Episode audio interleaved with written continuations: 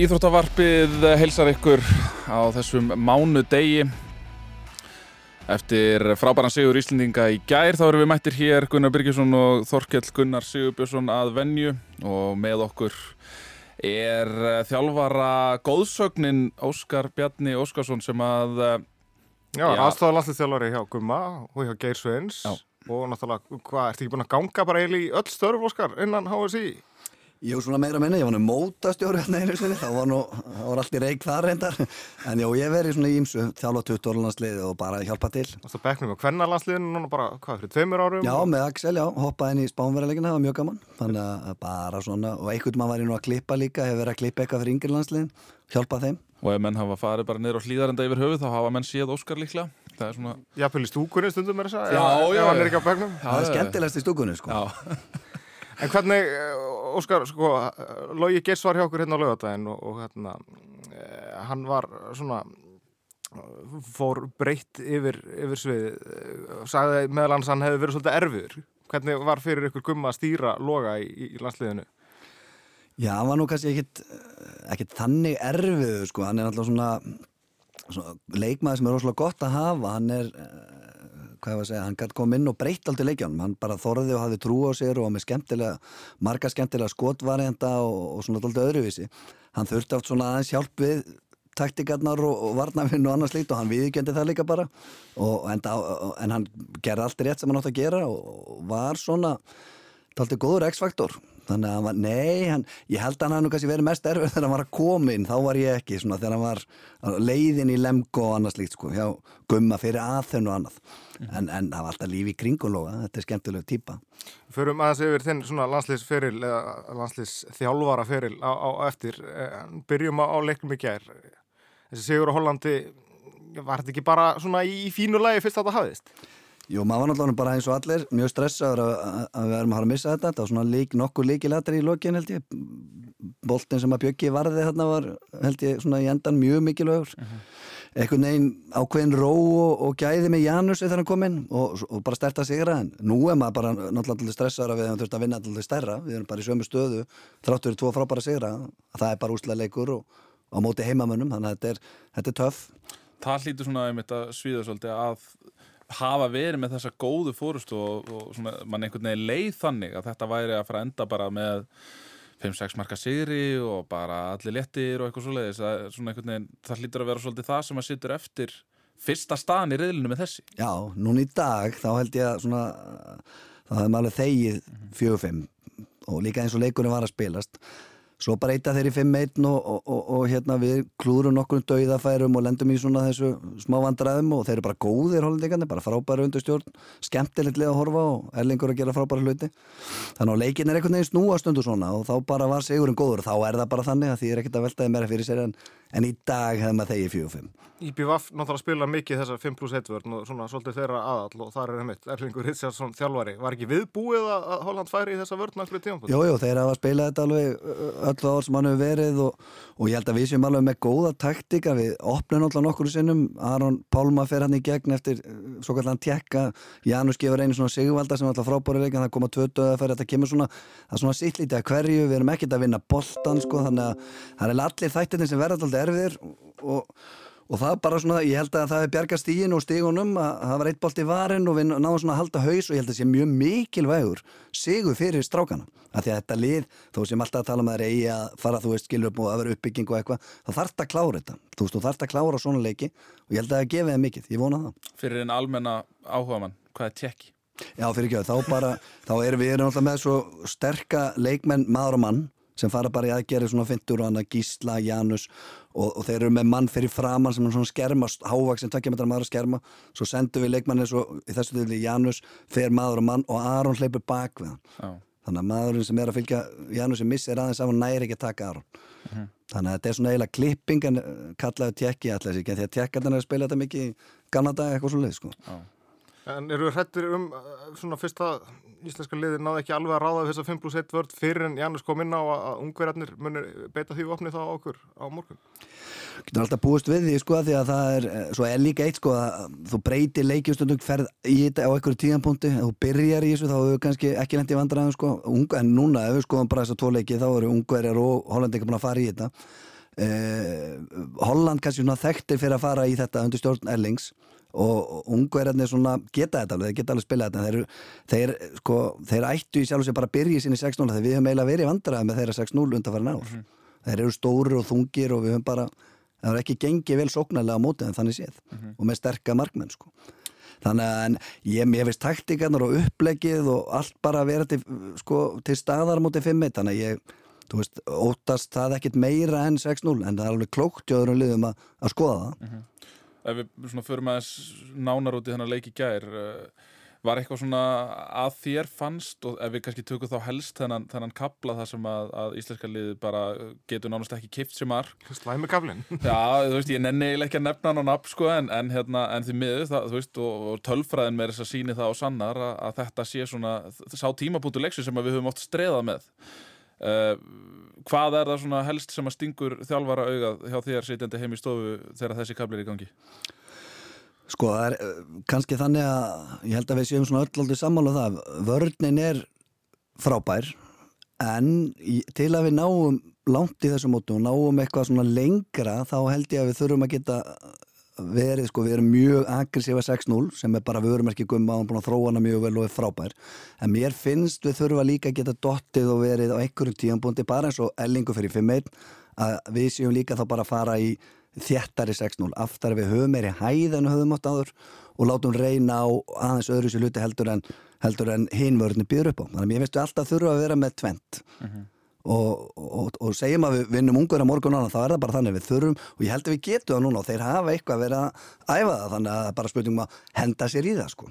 svo er sóknarlega þá þarfstu kannski að hugsa út í það 5-1 hefur reist okkur ítla kannski, kannski getur eitt verið það að við erum rosalega góðir í handbólta góðir á það bólta að vinna Ómar, Aron, Gíslim, góður maður og mann og það fyrir 5-1 þá reynleika þetta alltaf á línumannin þannig að það er náttúrulega svo staða sem er svona eins og, eins og lítur út eftir fyrstu tóða leikina eða svona veikust eiginlega sko. Já, Þannig að það er klárt, þannig að það, er ekkit, það, það svona stoppar daldi af ákveðna aðgerri hjá okkur og þá er spurning hvort við höfum að fara í 7 og 6.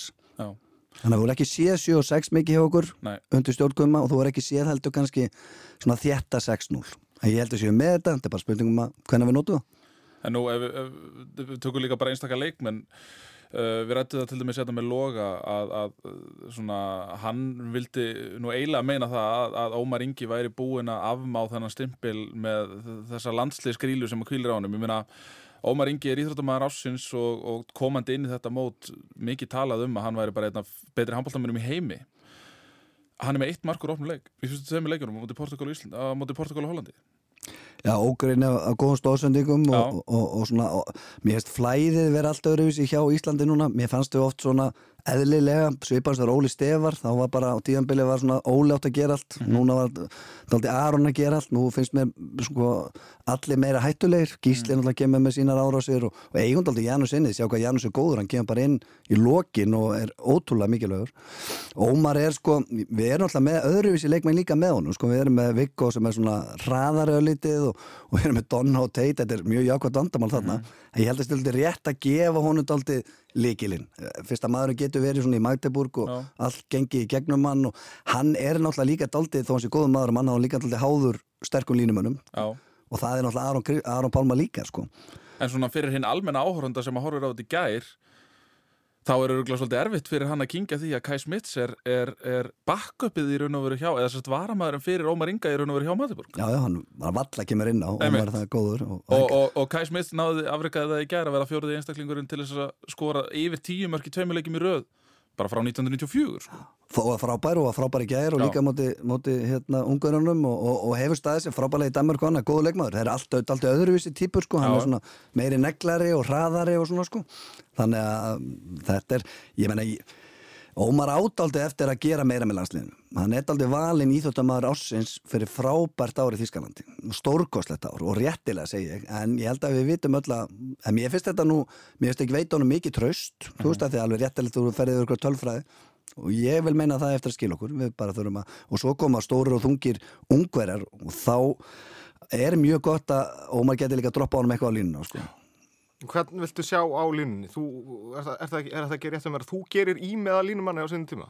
Já, ekkit endilega ég, hann og líka bara Geir Sveins og Einar Guðmunds og svona Snorri Steinn og, og fleiri sko. Þetta svona, eiginlega var til þess að hann sá fram á að hann var meiri möguleiki bara komast fyrr inn í landsliði sko. hann var svona á landamærunum varnarlega og svo var bara að sé að þetta myndi gefa honum bara meiri tækifæri að komast fyrr að og þetta væri bara rökalt hlaupa upp á línu hraðablöpum og, og er hávaksinn og, og flottur sko og vantar þetta í landsliði sko Hvernig finnst þér hann vera svona að þróast sem sóknar línumæður? Hann alltaf spilar mjög lítið sókn í Þískalandi Spilar hann einhverja sóknir? Já, bara nánast hann hljóp upp og spilaði, þú veist, í hraðablöpum Já, og já. svo bara, og náttúrulega með bara eitt besta línum hann í heimi með sér, sko og orkan í öllum sem leikjum að taka bara vörnina, þú veist, ég held að það sé svona alltaf þannig Mhm. Nú, uh, Arnar hefur náttúrulega hvað ég að segja, Arnar ég, sóknarlega myndi ég alveg vilja sjá Arnar koma þess inn, en svo hefur maður meira á að gera á hann í þessari aggressífi vörð, sko en ég held einhvern veginn að Ef hann grípur boltana þá yfirleitt sækir hann allavega að víti. Já, ég, svona, ég held að við megum ekki bara eitthvað útiloka hann sko bara, hann, vera svolítið neikvað umræða á hann og kannski eh, á hann það náttúrulega ekkert skilið endilega. sko. Já, ég held að við megum ekki alveg bara stimpla hann út balli sko, þú veist að hann lendir hann í þú veist en hver lendir ofta ekki því í landsliðinu þegar þetta er svona aggressív sko, ég menna það voru menn alveg að tapa einn og einn bara út og gæri okkar bestu varnamenn sko, ég menna þannig að, ef við förum til með líka í það að vera með eitthvað bjövarenda ákvönum tíma, kannski tíu mínútur eitthvað svoleiðis, þá getur við verið þéttari með því að spila með Ími, Arnar jafnvel Aron Pálma, það sem örfindastæðan er ef það þarf að skipta eins og ég ger hann fikk þess að tvær mínútur. Og Óla Guðmus eitthvað svo, komið stærri og þéttari vörn og það er kannski bara hinn vörnin okkar. Og þá er Arnar komin líf og hann er kannski hættulegastu sóknamaðurinn þó, þó að kannski ellið og ímið séu líklegri í þessari aggressífur þannig að þetta er svona bara eitt vingill að við getum kannski nota, nota Arnar sko. En hefði verið hægt í gær þegar að við sjáum að við erum svona aðeins að missa augnabliki og leiknum frá okkur veist, hefði verið hægt að fara í eins og þú segir að ná í þessa stóru og stæðilegu gæja fara bara niður á sexmendarna og bara einhvern veginn aðeins bara að róa leikina þessi niður Það var, lítum á 2008 þá gerðum við þetta daldi með að Ditti og Sverri voru þarna í Sarkasi og svo kom oft svona síðustu 12-13 minn og kom oft Fúsi og Sverri og þá tuttu við aðeins aftar Já. Þannig að það er auðvelt að segja þetta núna allmest fyrir okkur sko, svo ef þeir bara skotu okkur í kaf Kai Smith er líka að skora alveg helling og við höfum bara sagt hérna, heyrðu, við erum bara að hleypa manni sem er komið tíu mörg bara í það að skjóta og skjóta sko, þannig að það er voru auðvelt og þetta var svona leikur sem að, að því við erum að tala um þennan margróma slæmakabla þá er eiginlega verst sem gerist í slæmakablanum það er að við missum allt það er að við, sko, sóknarleikurum við erum með dauðafæri, við erum með sókna, hlaupin aftur, vörnina, markvöslu það fer allt, þess vegna er alltaf þessi bolti sem bjöggi ver svo mikilvægur. Þannig að, Mjög En sko, leikurinn á morgun á mútið ungverjum, uh, það er búið að mála upp svona hálfgerða ungverja grílu eftir, já, allavega síðustu tvoleiki, töpum fyrir þeim hérna í Malmö fyrir tveimur árum þegar voru búin að vinna fyrstu tvoleikina og, og, og svona virtist allt vera í, í gúti og svo auðvitað olimpíuleikarnir í London. Er það bara, uh, farið ennþá martraðar á nóttunni eftir að hafa verið á hliðalinni í þeim leik, Óskar? Ég held að leikmenninni meira séu með það en þetta var svo frábært lið og frábært móta þá klálega, svona er maður ekki að horfa á hann í hverju viku, þann leik hefur hort á hann aftur. Já, ég hef nú gert það, það var svona einhver, einhver svona, maður þarf að Sjálfsbynninga hvöt ykkur. Já, þetta er svona, ég held að, að þjáningin sko er það besti veginn þjálfarans og það er ótrúlega að fyndið að þegar þú hættir að vera aðalþjálfari og dreguð í hlýja því ég hef nú verið svona, farið í sjötta flokk og svo meistar og eitthvað, þá saknar maður mest eiginlega, þú veist, þegar maður tapar og fer að vinni í svo garfa, þess að tek tókinu þennan leik og horfða á hann og ég hef nú reynda bara einhver að segja horta á hann tvis og ég er auðvitað svo eini, held ég. Hvernig var, Þetta einmitt, geggjuð bara, bara eftir þann leik, ég meina þeir eru búin að vera þéttur hópur saman þarna í hvað, fjögur, fimm ár eiginlega og svo, þið ætluðu náttúrulega bara að vinna gullið á þessum leikum, allavega svona hefur maður heyrt það frá, frá okkur flestum, sko, hvernig var þessi endapunktur? Bara, það er náttúrulega mjög tilfinningalega erfiður sko, því að veist, og líka við vorum bara svo góðir. Skilur, að þú ert svona finnur að það er eitthvað í gangi og, og gengur bara að ert að spila vel og mörg góð vopn og eitthvað og svo bara, þú veist, uh, gerist svona og svo er þetta bara búið, svo er þessi hópi bara farin þannig að þetta er þetta var með við erum eiginlega nánast, við erum jafnvel betri sko 2012 en 2008 sko en sko, var þið, unnið ungverjana á Evrópumótunu þetta sama ár í Serbíu. Þið unnið ungverja á HM 2011 í Svíþjóð ef mann rétt líka, sem að, liðið sem að þið komið eru með. Eh, Þessi gríla, eh, er hún bara bull? Eru ungverjar, þeir eru ekkit svona rosalega góðir? eða? Nei, nei, þeir eru góðir og, og, og, og, og, og ég menna svona gríla, þetta var frakk, svíja grílan gamla, frakka gríla, ég veit nú ekki, ég meina að þetta sé eitthvað svakaleg ungverja gríla, ég held að fólk svona átti sig bara ekki á því að, að þeir eru bara mjög sterkir, þeir er sterk deil, þeir eru stórir og þungir og það sem kemur inn svona er alltaf fyrir okkur, þeir eru með besta línumann í heimi og okkar vörd, sko sem er svona aggressív þetta er rosaleg vinna sem að munu vera að stoppa hann Það er tvent, tvent sem að hræði mig mest við hennar leik er að Benze Banidi er ekki búin að spila núna í 75 mínútur á síðustu leikminúturinn þeirra. Þeir kvíla hann í síðustu 15 á móti hollendingum. Það er línumæðurinn sem Það, sagt. það er línumæðurinn sem, að- sem Óskar talar um og hann spilar ekkert í ger. Uh, þeir heldur samt áfram að dælinu línu og það gekk vel. Þannig að ég rétt ímynda mér veist, hvernig þetta verður ef að þeir fá hann inn. Ég, nú, þekki ég bara ekki stöðuna á því hversu slæmur hann er. Hann er gríma held ég við einhver vandræði í, í öklanum á sér eða eitthvað svo leiðis. Það sem að annað sem að hræða mig í þessu er að Hollendinga ná í raun og vera ekki upp nefndi markvislu af neinu viti í gær. Róland Mikler byrjar fyrirháleikin uh, í gær og var bara nokkuð fýtt og bara mjög fýtt fyrirháleikur, mér hann hafi verið með eitthvað 5-6 skot varinn og, og svo eru þeir með Marton Sike sem að kemur síðan bara inn í seinniháleik og heldur áfram í raun og loka. Það var ekkert sem betur til þess að, að Mikler þurfti að fara út af eða eitthvað svoleiðis en, en svo kemur bara Sike inn og einhvern veginn heldur uppi þessum standard í markvislinn þannig að það er svona þetta tventi mitt eins og þú segir, línumannstæðan og svo líka veist, að við erum að mæta þarna já, markmönnum sem að, þú veist, er ekki einu svona að spila sko í sömu deild eh, og þessi markmenn sem við höfum verið að mæta. Klálega miklu sterkari markmann heldur en hollendingarnar hafa. Og, og ég meina svona fyrir framöður í veðbankunum þá er mun líklega að verði meiri prósundæði þeim heldur en okkur. Já, já, þannig að við þurfum að glíma. En það svo erum við náttúrulega bara, þú veist, þetta er bara hörkuleikur á móti hörkuliði, við, mér- sýnist við vera komin í svona ákveðin gýr og, og góð orka, margir rosa flottir hlutir, bæði varnar og sóknarlega, nýji hlutir sóknarlega og ég held að allir heilir og flottir og svona sko, þannig að þetta er bara úslega leikur og, og, og þægilegu leikur, það er ekkert eitthvað svona ef og hefðið, bara ég, við þurfum bara að vinna þetta sko. Er einhverju leikmenn sem þú finnst að við eigum bara hreinlega inni sem að hafa verið að spila núna þessar fyrstu tvo leiki og svona þið finnst geta alveg farið í næsta gýri? Já, mér finnst sóknarleikur náttúrulega hafa verið mjög góður þannig sé sko, mér finnst okkur, að- að- ég saknaði setni bylgjuna sko og hraðans hjá okkur og það er kannski líka þegar við erum mjög aggressífa vörn og svona tengist eitthvað saman sko og sóknarlega eigum við náttúrulega við bara spilum það vel í fyrsta leiknum að við þurftum ekki að nota Janus, Janus kemur í gær, við eigum hann ferskan sem er mjög gott af því að hann var náttúrulega búin að vera meittur og spila einhverja leiki fyrir jóli, ég held að það sé alveg gott að við sem ekki bara þjóstnast á honum. Nei, ég, ég held að það sé bara menn þurfa að stígu upp líka sem kom inn. Þú veist, ég menna Aron er kannski ekki að fara að spila 60 myndir vörn og srók, þannig að Óli Guðmus hefur alltaf staðið sér vel. Þannig að við erum með, mér finnst Viggo alltaf að standa sér vel þegar hann kemur inn og, og, og bara, þannig ég Nei, ég held að það sé ekkert akkurat ekkur leikmaður, þetta. Það er bara svona dálítið að ná góðu, góðu, við erum að ná góðum takt sóknarlega og ná góðum hraða og stjórnarhraðanum og svo er þetta bara hörkuleikur og ég, ég hef góð tilfinningu fyrir þessu, sko, ég hef betri tilfinningu núna heldur en áður á móti ungur en nú, sko.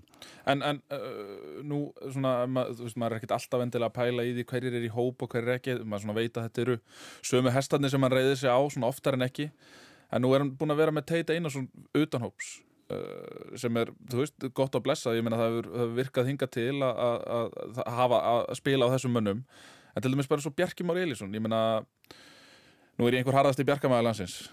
Og, og, og hérna, einstakur gæi og, og frábær náttúrulega slúttari og hraðaflusmaður hann hefur kannski ekki náð sér á strik í þessu sóknarleik hinga til á mótinu. Fyrst hann- náttúrulega bara engin færi í, eða þú veist, það sendur náttúrulega ekki hann eða sko. en, en, en fyrst hann er með orra í hóp að svona einhvern veginn það að hann sé ekki búin að spila, hann hefur ekkert komið inn á það Nei.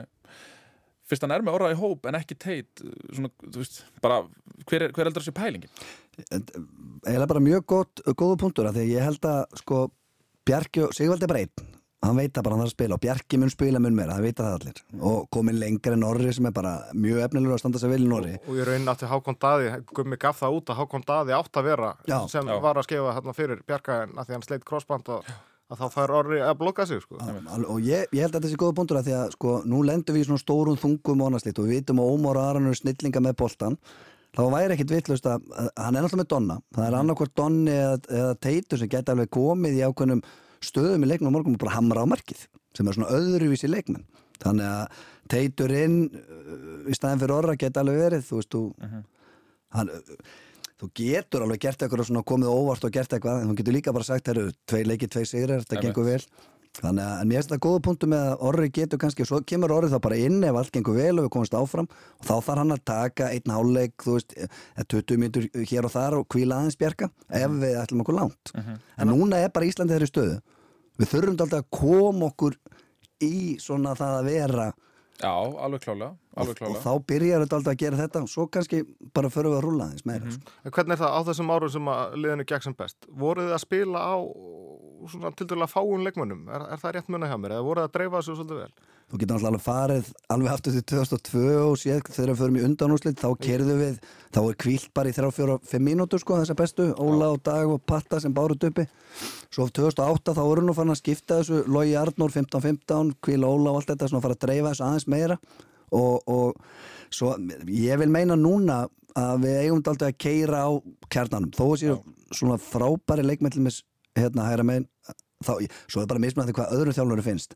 Þá finnst mér að Ómar eigi alltaf að finna hans í maðurinn. En svo getur við sagt, heyrðu, nú ætlum við að setja Donna eða Tate sem er öðruvísi sko í að dundra markið, nú Viggo hefur sína eiginleika sko, en, en ég myndi líka láta bjarga og eins og eiginlega út frá því sem þú sagðir, ég myndi kvíla orra bara í hóp á morgun og, og hérna koma með jafnvel Tate inn Já. og við erum bara með ákveða þarna ef við lendum í smá þá bara dundur á markið. Annarkvort að fara í 7-6 eða svona aðeins að breyta eitthvað. Þetta er nú ekki allavega mínum að þið leikurinn á morgun til þess að fara að prófa eitthvað of mikið. Nei, Nei, nei, nei, Þetta er alls bara, ekki, en- en- en- þurfum að koma okkur í gegnum og leika og bara áfram, sko. En auðvitað og allt hefur, við... gengi, allt hefur gengið vel, við erum bara búin að vera flottir. Þannig að við megum ekki við megum með bara, þú veist, bara halda áfram með konceptis með bara margt nýtt og margt flott. Mhm. En, en það hlýtur að vera styrkleika merki fyrir liðið að við getum verið með leikmann Flensburg fyrir utan hóp. ég meina Donni og, og Teitu sem að getur þess að kannski sko ekkert spila mikið í þessu mótur, báðu bara að standa sér frábæla Nákvæmlega. þannig að það, það segir okkur að breytin er að aukast og líka í þessum, að því við köllum eftir þetta voru okkur spennandi gaurar, Já. en nú eru þau konur í sterkari deildir og eru farnar að vera sko bara að standa sér frábæla í sterkum deildum Mm Og fyrst að þú þú nefndi veðbankana, við rættum nú veðbankana hérna fyrir, fyrir mót og þá vorum við hvað, við sögum að við varum í tíunda, tíunda líklegasta liðið. Stöðlandi breyst eitthvað. Við erum múin fynda líklegasta liðið. Ok. Nú við að, mér líst ekki Nei, ég veit það, þú veist, við Nú erum erum við að skrúa væntingarnar alveg upp og... Noregur tapa fyrir, fyrir rússum Sander Sakosen er, er, að, er að spila bara eiginlega illa uh, þannig að við erum búin að taka fram á þeim. Uh, Króatatir, Dóma Goduniak verður ekki með, með. Uh, hann er bara farin eftir Þískalands þannig að við erum búin að taka fram á þessum öllu þjóðum sem að voru fyrir ofan okkur. Svíjarnir tapa fyrir já. Það var svo sem náttúrulega bara 50-50 Já, já, leikur sko, og tvö frábær liðin. En, en þetta setur leikinn samt eh, öll þessu úrslit af því að ef við fyrir með millirriðil, við erum með króatum þá vantarlega í riðli og, og svona slóðanarnir hafa ekkert verið eitthvað frábærir og Júri Dólanets líklega á leiðin heim líka. Þetta setur þetta svolítið í, í, í nýtt samhengi þessi leikur á morgun að þetta er bara all or nothing leikur. Ætlum við í millirriðil með tvö stig og, og vera að keppa í, með stóru köllunum eða ætlum við bara hreinlega, þess vegna að fara heim. Já, það sá möguleik er sko bara uh, ef fyrir henda við séum bara að fara heim á fimmdægin bara ef allt spilast ítla en svo er það líka hitt að uh, með að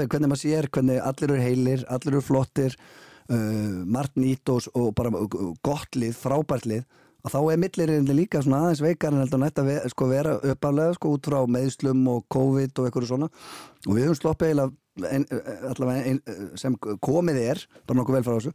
Þannig að með, tvö, með góðan sigur á morgun þá erum við getum alveg gert eitthvað hluti sko. svo þarf nú aftur að sprengja allt upp hérna. Ég er nefnilega sammála því að, að þetta lið eins og staðan er núna á móti frökkum finnst mér að þetta bara að vera leikur. Mér, já. mér finnst við ekki alveg vera komin á staðin sem að Daninir eru á. Nei, nei, nei, en, en Frakland, Króatíða, Slóinni, alveg klálega. alveg klálega, allavega leikur, þú bara mjög góð leikur það alveg klálega.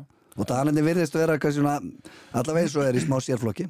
Já, En sko- lítur svona þannig út. En sko að vera að fara í þennan leik undir þessum kringustæðum að vera búin að spila vel en eiga samt að hætta þetta út uh, Hvernig er að fara inn í svona leik? Bara svo ég taki allavega tvö stórmátt sem ég mann eftir þér á hliðalinni þar sem við höfum verið að fara í svona leik í loka leiki í reyðlakeppni. Mann eftir EM í, í, í Serbíu 2012 þar sem að já, slóinarnir eiginlega bara kipti ykkur eh, með sér inn í millirriðil, bara stiga á bensíkjóinu í lokinu til þess að taka stíin með sér sko og svo uh, þegar þú varst með Geira Sveins þarna 2018 í Króatíu þar sem þið þarna tapið fyrir Serbum og, og þurfuð að treysta á Króatarvinni Noreg sem gerði svo ekki. Hvernig, svona, hvernig er að fara inn í þessa loka umferð þegar, þegar það er allt galopið og, og bara alls konar tilfinning Það er eiginlega bara, undirbúningurinn er eiginlega alltaf bara eins og þetta er alltaf bara, þú ert bara uh, spennust í alveg botni og, og, og gegja gaman allt saman og svo leið sko og, og, þú vinnur til með og þegar við vorum að geira vinnur svíjan í frábærum leik sko og svo endar við að tapa með serpum og fara bara, þú veist, daginn eftir í flug. Þetta er, þetta er rosa svona russibanna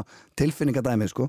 Og ég vil meina að þessi stráka séu kannski þú þart að gangi gegnum smá skóla og fara í gegnum þetta og nú erum við búin að fara ég vona bara að þetta fara ekki að verða eitthvað sko menn sé eitthvað smekir við þetta sko við ætlum okkur bara í millirið við ætlum bara að vinna á morgun og þá býður okkur bara enn fleiri leikir sem við getum gert eitthvað. Þannig að ég held að þetta sé bara það sem að þeir og þjálfararnir lifa fyrir að fara í svona ústilda leiki sko. Ég held að, að, að þetta sé bara gaman sko.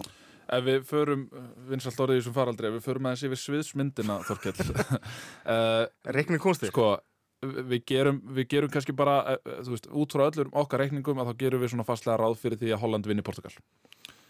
Se- Sem er samt ekki dörugt, en, en, en, en það se- okkur, í okkur, myndina, að- setja upp sviðsmyndina. Uh, ef að við vinnum, þá sjálfsögum förum við áfram Og með tvö. Já. Ef við töpum með einu, Nei, betur tökum við jafntefli fyrst Ef Já. gerum við jafntefli að þá fer það náttúrulega bara eftir úrslitunum. Já, þú ert að gera það fyrir að Holland vinni að Portugal. Holland vinni Já, þá förum við áfram með tvö stig og tökum stig. Hollandinga með okkur líka. Já. En svo það getur breyst ef, að- ef, að- ef við tækjum ungverina með okkur þá er það bara eitt stig. ef við töpum með einu og ef að Holland vinur Portugal Þá förum við samt áfram fyrir við samt áfram og með tvö Já, og tökum Holland með okkur. Já, ef við töpum með tveimur þá fyrir við áfram með ekkert stygg við vorum alltaf að gera ráð fyrir þessari öfna Holland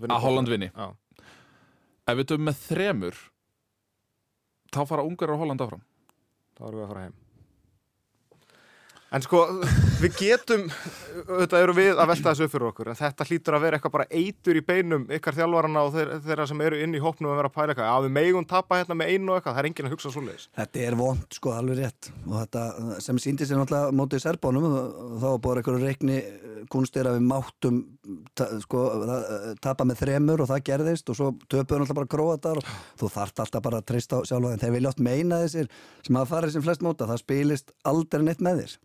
og nei, svo er það. Þú þarf bara að treysta á sjálfa þig það er einu sinni held ég spilast með okkur það var held ég HM í Svíþjóð 2011 öll hönnur skiptin þegar við erum í einhvern reikni dóti því eru miklu betra en ég í þessu að þá hefur þetta eiginlega verið okkur í óhag. Þannig að ef þú ætlar að bara kíkja tölfræðina þannig þá eru bara að treysta á sjálfa þig. En hver eru svona, hvernig, hver liggja okkar möguleikar á móti ungurum á morgun? Sko, okkar möguleiki er að- við þurfum að vera mjög reyfanlegir og góðu sóknala, við þurfum að ná upp góðum sko þannig að, að þeir eru stóru og þungir og þeir meðal ekki ná því að þeir geta verið rosalega þjettir og treyst á markvæsluna þannig að við þurfum að ná svona, ná hotnamönnum okkur inn ná að, að virka alla eins og við gerum mjög vel. Og, og ég meina okkar möguleikar eru bara miklir. Og svo þurfum við náttúrulega að ná að þjetta í kringum hennan línumann og þó hann Já. og, og svo er þetta bara, þú veist, hvað var að segja ná að- að að- að spila bara alvöru, alvöru leik. Er bara, við erum, við erum bara góðir þannig að við þurfum sjálf og sér ekkert að, að gera neitt eitthvað sérstækt sko, svo kemur kannski bara það ef að leikurinn spilast þannig að allir eru bara frábærir og sóknarleikurinn er þannig að við viljum hann rúli og allt er í góðu en svo ef við lendum kannski í því að þetta er erfitt þá er kannski til spennand að sjá hvað gerum við þá? Þú veist, erum við, förum við 7-6 ætlum við að breyta vörninni? Eða hvað gerum við, þú veist, þannig að, að það er eitthvað sem að leikmennin er alltaf bara að fara inn á völlin og spila sitt koncept sem er gott svo kannski bara þurfum við að hugsa út í herðu, við höfum bara, ef við lendum í vandræðum og leikunum spilast þannig hvað er svona plan B hjá okkur Við erum búin að tala, fyrir ekki okkur, við, við erum búin að tala um þig sem fyrirverandi aðstofar landslýstjálfara, Óskar. Hvernig kom það til að þú komst inn með gumma þegar Guðmundur tekur við þarna í annað skipti við liðinu 2008? Einar hafði náttúrulega verið, Þorvarason hafði verið þjálfari, semst aðstofþjálfari með Gumma og við þekktust nú allir þrýr vel eftir ég vann á hósi og var með 20 ára landslið, þá var, þá var Guðmundur með aðliðið í kringum aðþennu. Þannig að þarna er ég að þjálfa hjá Val og, og, og hérna, þekkti Guðmund mjög vel bara frá hósi tímanum mínum og Einar náttúrulega mjög vel og þá bara kom símdal frá Guðmundi hvort ég verið til í að koma inn í þetta og við þekktum kannski ekkert það, við höfum ekki unni, unni saman sem þjálfara þannig en, en, en þannig að manni tækið fara á að verða aðstofa þjálfari og með frábærum þjálfara og, og maður hoppaði bara strax á það Sástu fyrir þið strax þarna að þú væri bara að fara að vinna silfur á olimpíuleikunum með þessum hópi bara ykkur þrjum mánuðið setna? Nei, nei, það var búið að vera náttúrulega dálítið erfitt það var búið að vera erfitt mót í Nóri og búið að vera svona uh, smá erfileikar frábært mót í Þískalandarindar hjá okkur 2007 og þetta þegar Gummi tek kemur inn þá, þá voru nú einhverju þjálfara búin að neyta og eitthvað svoleið sko þannig að- að að- ég man ekki hvort að Gummi var nú með fimm í röðin jú. Já, var þetta ekki það? Já.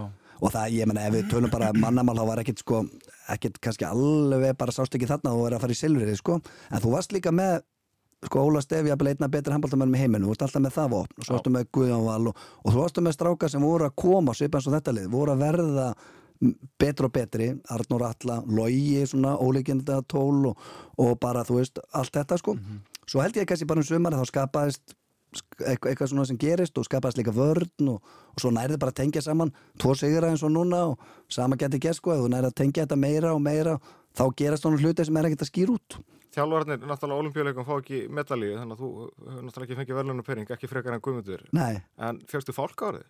Nei, ég fekk ekki, ég, ég fekk reyndar einhverja fólkáru frá vínum mínum þegar ég gifti mig sem við varum búin að búa til fólka það var svona eitthvað aldrei sérstætt sko valsfólki eitthvað. Ég, sko, málið er, ég kem inn sumari 2008 Þú veist, það er bara fyrsta móti mitt eru ólimpíuleikar Þú veist, að það mátti bara vera Norrlandamóti, ég var svo spenntur sko. En fyrir strákan er ólimpíuleikar alltaf það stæðista Og svo bara fyrsta mót og það er bara bang, beint annarsæti sko. Þannig að mér fannst ég ekki endilega vera komin á þann stað að ég eitthvað skilið eitthvað fólkórðu En fólki kannski kring, svo veist, eins og bara sem er búin að vinna alveg mörg mörg ár Og líka lendi í 15. sæti og vera með þjóðuna brjála og allt þetta sko. Það var kannski svona þeir áttu þetta skilið, ég var sama. Ég, en ég mun, hvað er á langt síðan það var?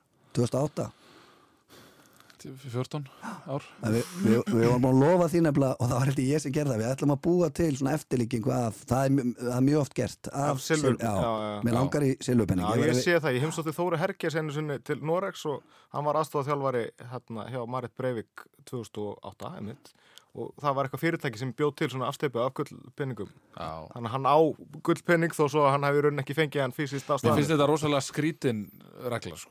Mér finnst eða þú veist, að því að já, að því að hlutverk þjálfarans sérstaklega, þú veist, tala nú ekki um líka eins og í einstaklingsýþróttum þú veist, ef við nefnum Vistinn Hafstensson og annað og, og náttúrulega sjálfsögði í hópýþróttum þarf ekki að fjölur en það mér finnst það kannski svona er þetta ekki samt út af einmitt einstaklings skilur, er, er nokkuð tíman á HM eða EM eitthvað velum fyrir þjálfara? Þú veist, það er bara hópíðarna sem eru með þetta. Já, ég held, ég held að það sé rétt sko. Er alveg rétt, það er alveg- rétt, það er rétt. maður- Þeir langar að fá okkur að viðkjöningu svona. Og ég sá þetta einmitt heima hjá Degi Sigurs að þjóðverðinni gerðu þetta þegar endur í þriða sæti Ríó, 2016 já. ég hugsa gummi í gullmedalju sko, ég, sem Darnendin hefur græða ég hugsa það. Já, En áttu bronspenning frá Östuríki? já, Þú það. EM og HM er allt öðruvísi. Það var, það var hérna, já, já þann penning heima Hva, Hvar geymur þú bronsið? hann er nú bara inn í eh, einhverju svona gluggagardínu hangið svona uppi sko, bronsið einhverjum- Stofustás? já, svona við hliðin á sjötta kalla einhverju medalíu sko.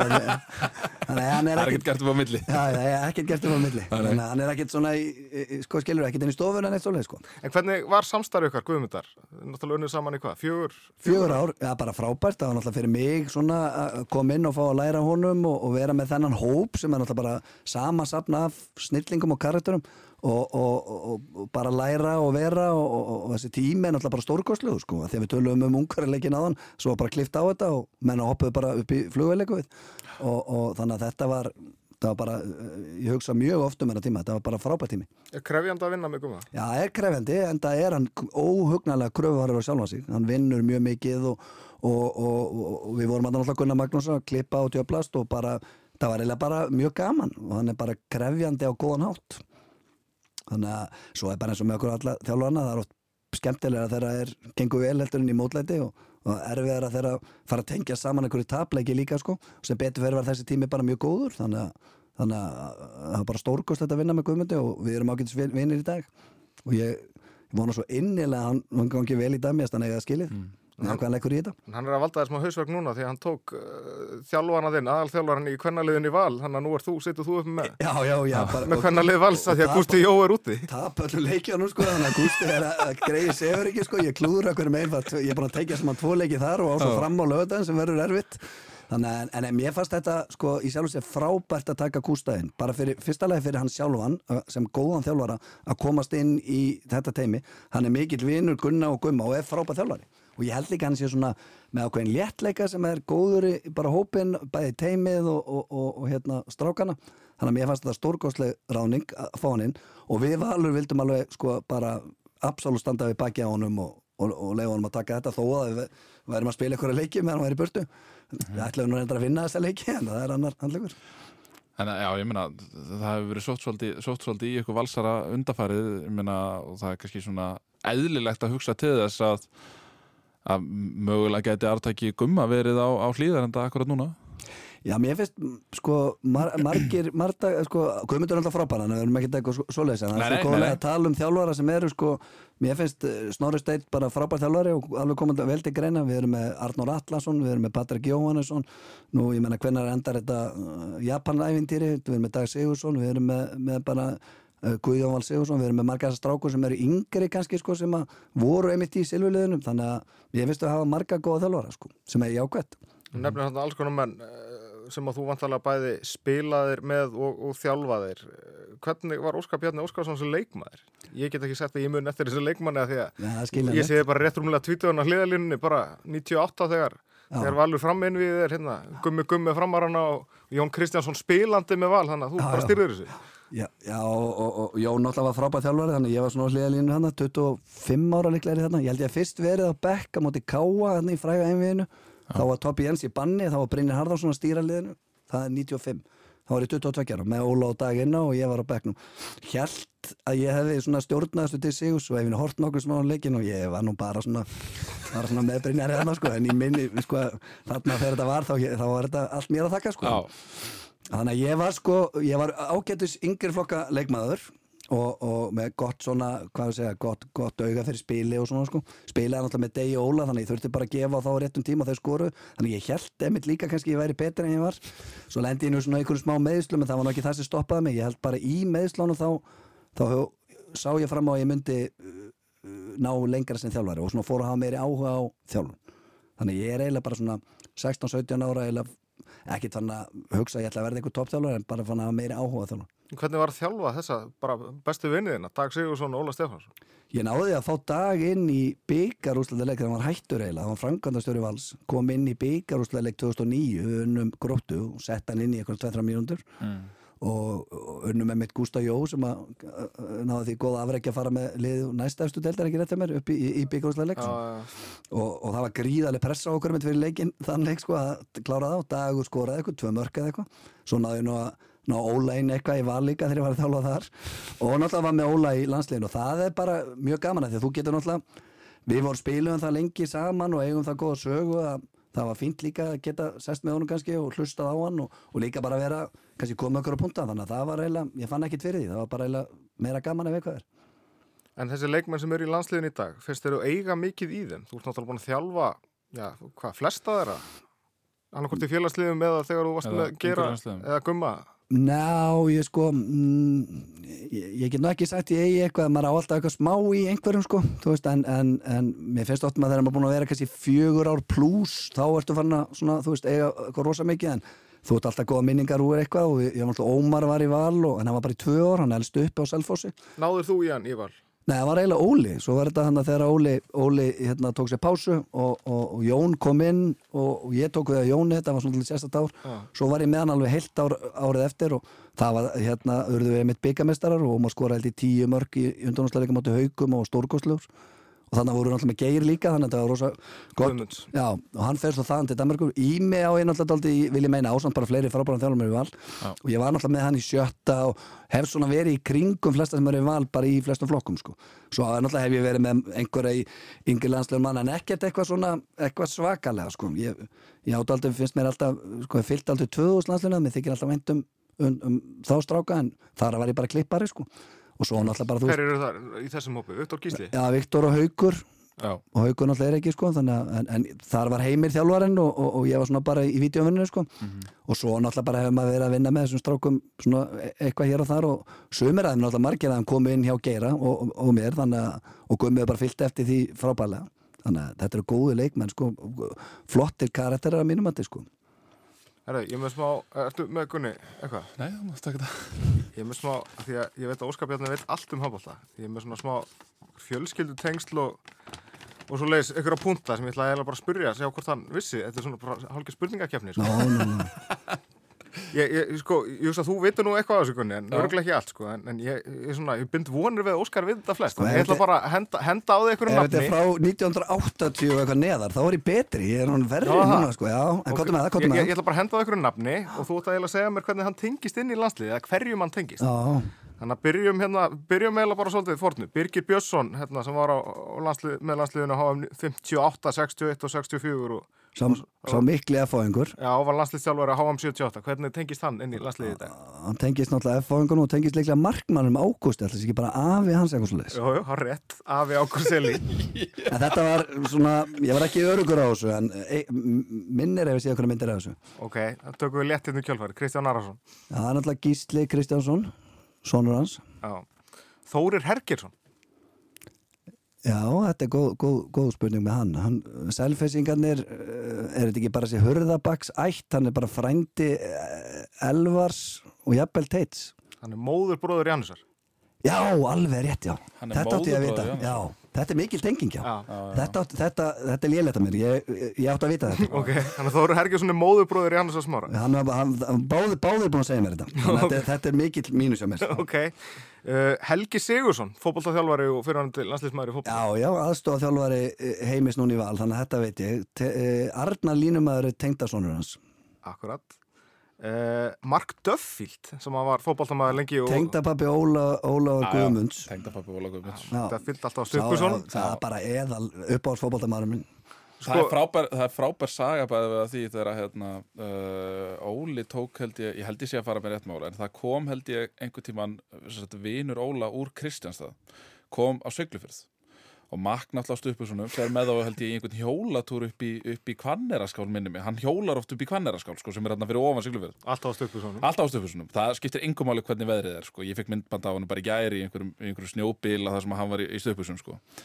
nema hvað að, að þessi leikmaður meiðist og ég er nokkuð vissu það að hann hafi mistað byrjunin á tímabili, ég held ég sé að fara með rétt mál en mér minnir að þetta sé leikmaður Kristastad uh, uh, en Þetta þannig er að bótt, þetta er rétt. Já, Skulum bara hafa það þannig. Og, það, og það hérna já, ég held að menn voru ekkert alltaf sáttu með þetta.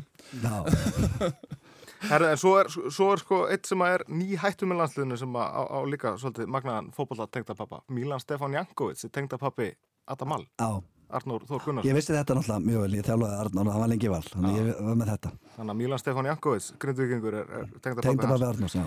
Uh, ok, Erlingur Richardson Það er náttúrulega bara tengdapappi uh, Danna Daniel Þór Ingarsson er tengdasonur Erlings og Sandra dóttir hans að spila í Danmarku þetta, þetta var ég með. Uh, uh, Ingi Þór Steinþórsson, köruboltaþjálfari Já, þessi er erfið.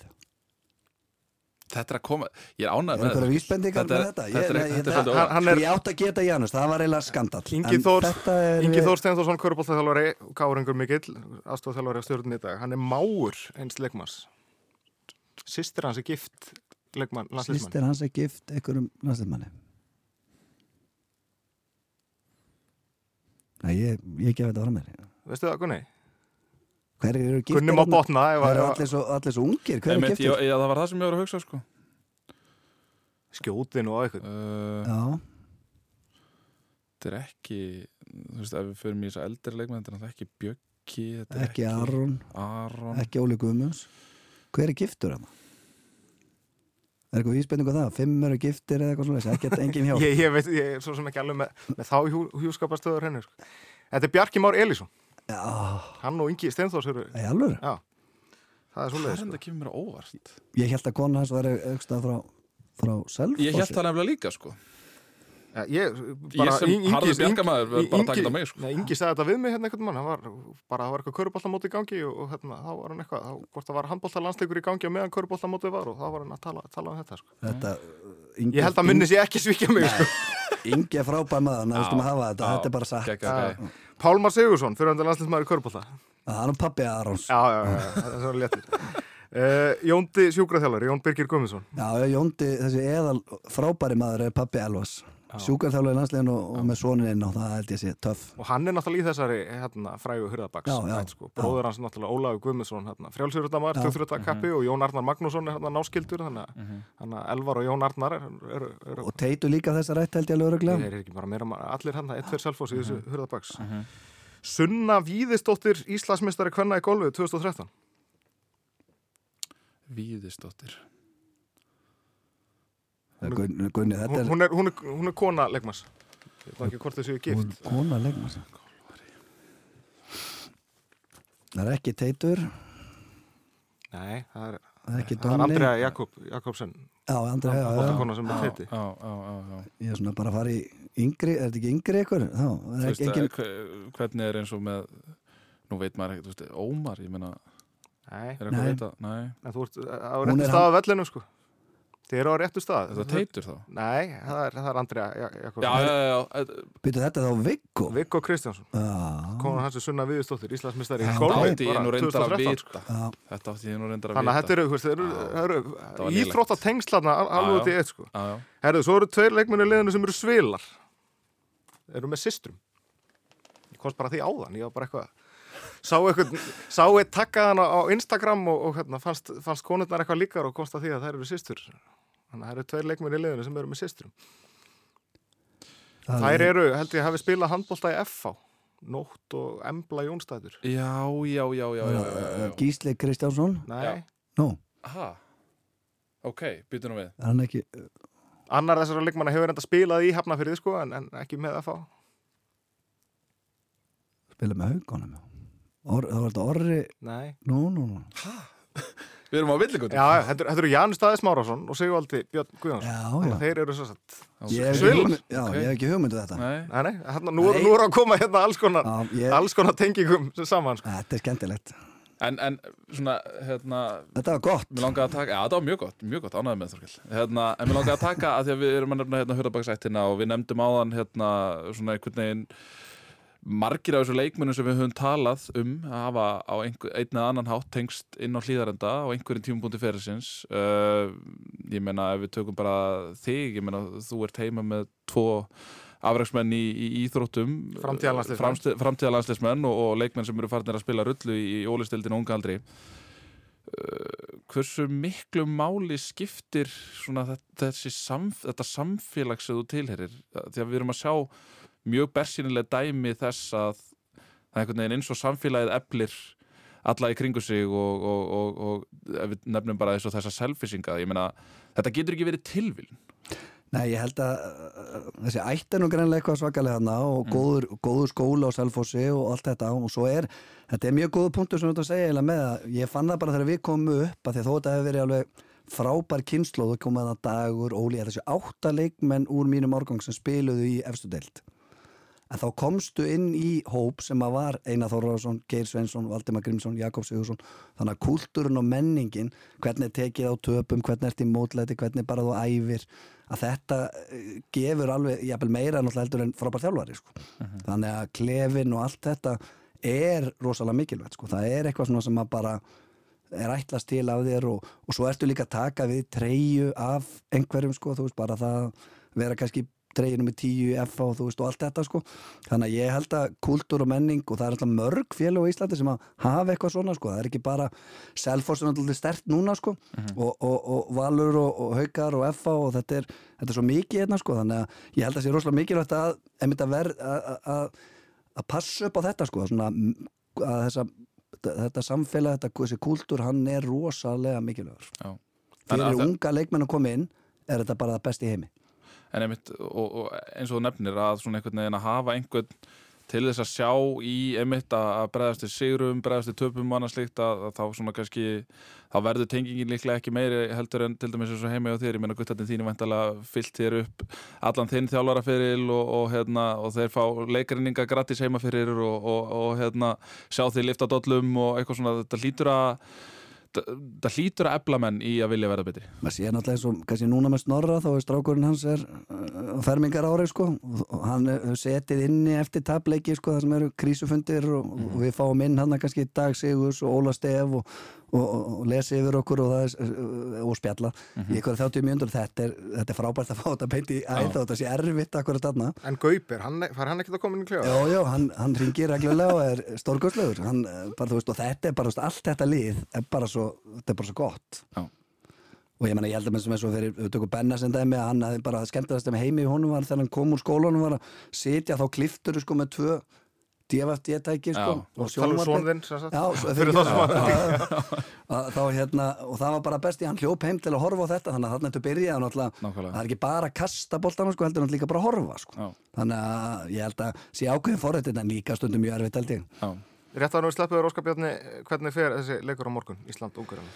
ég get aldrei og hef aldrei eiginlega spáð tapi. Mér finnst sko vera það margt flott hjá okkur komin, svona, ég er ánað með hvernig eh, þeir hafa komið inn og nálgast þetta mót mér finnst vera nýjir hlutir sóknarlega sem ég er mjög ánað með mér finnst vera allir heilir, allir flottir, góða orka og, allt þetta, þetta verður krikalega erfitt og ég, við vinnum þetta 31-29 til að taka það En ég er alveg að sko, sko þú- ég er mjög alltaf þetta, þetta, er, þetta, er, þetta verður erfiðu dagur á morgun. Já, en sko það má ekki gleyma því að þó það verði 22.000 manns í þessari frábæra höll að þe- þeir eru náttúrulega flest allir á bakinu á ungverunum að þetta er ekki bara stemming, þetta er náttúrulega líka gríðarlega pressa.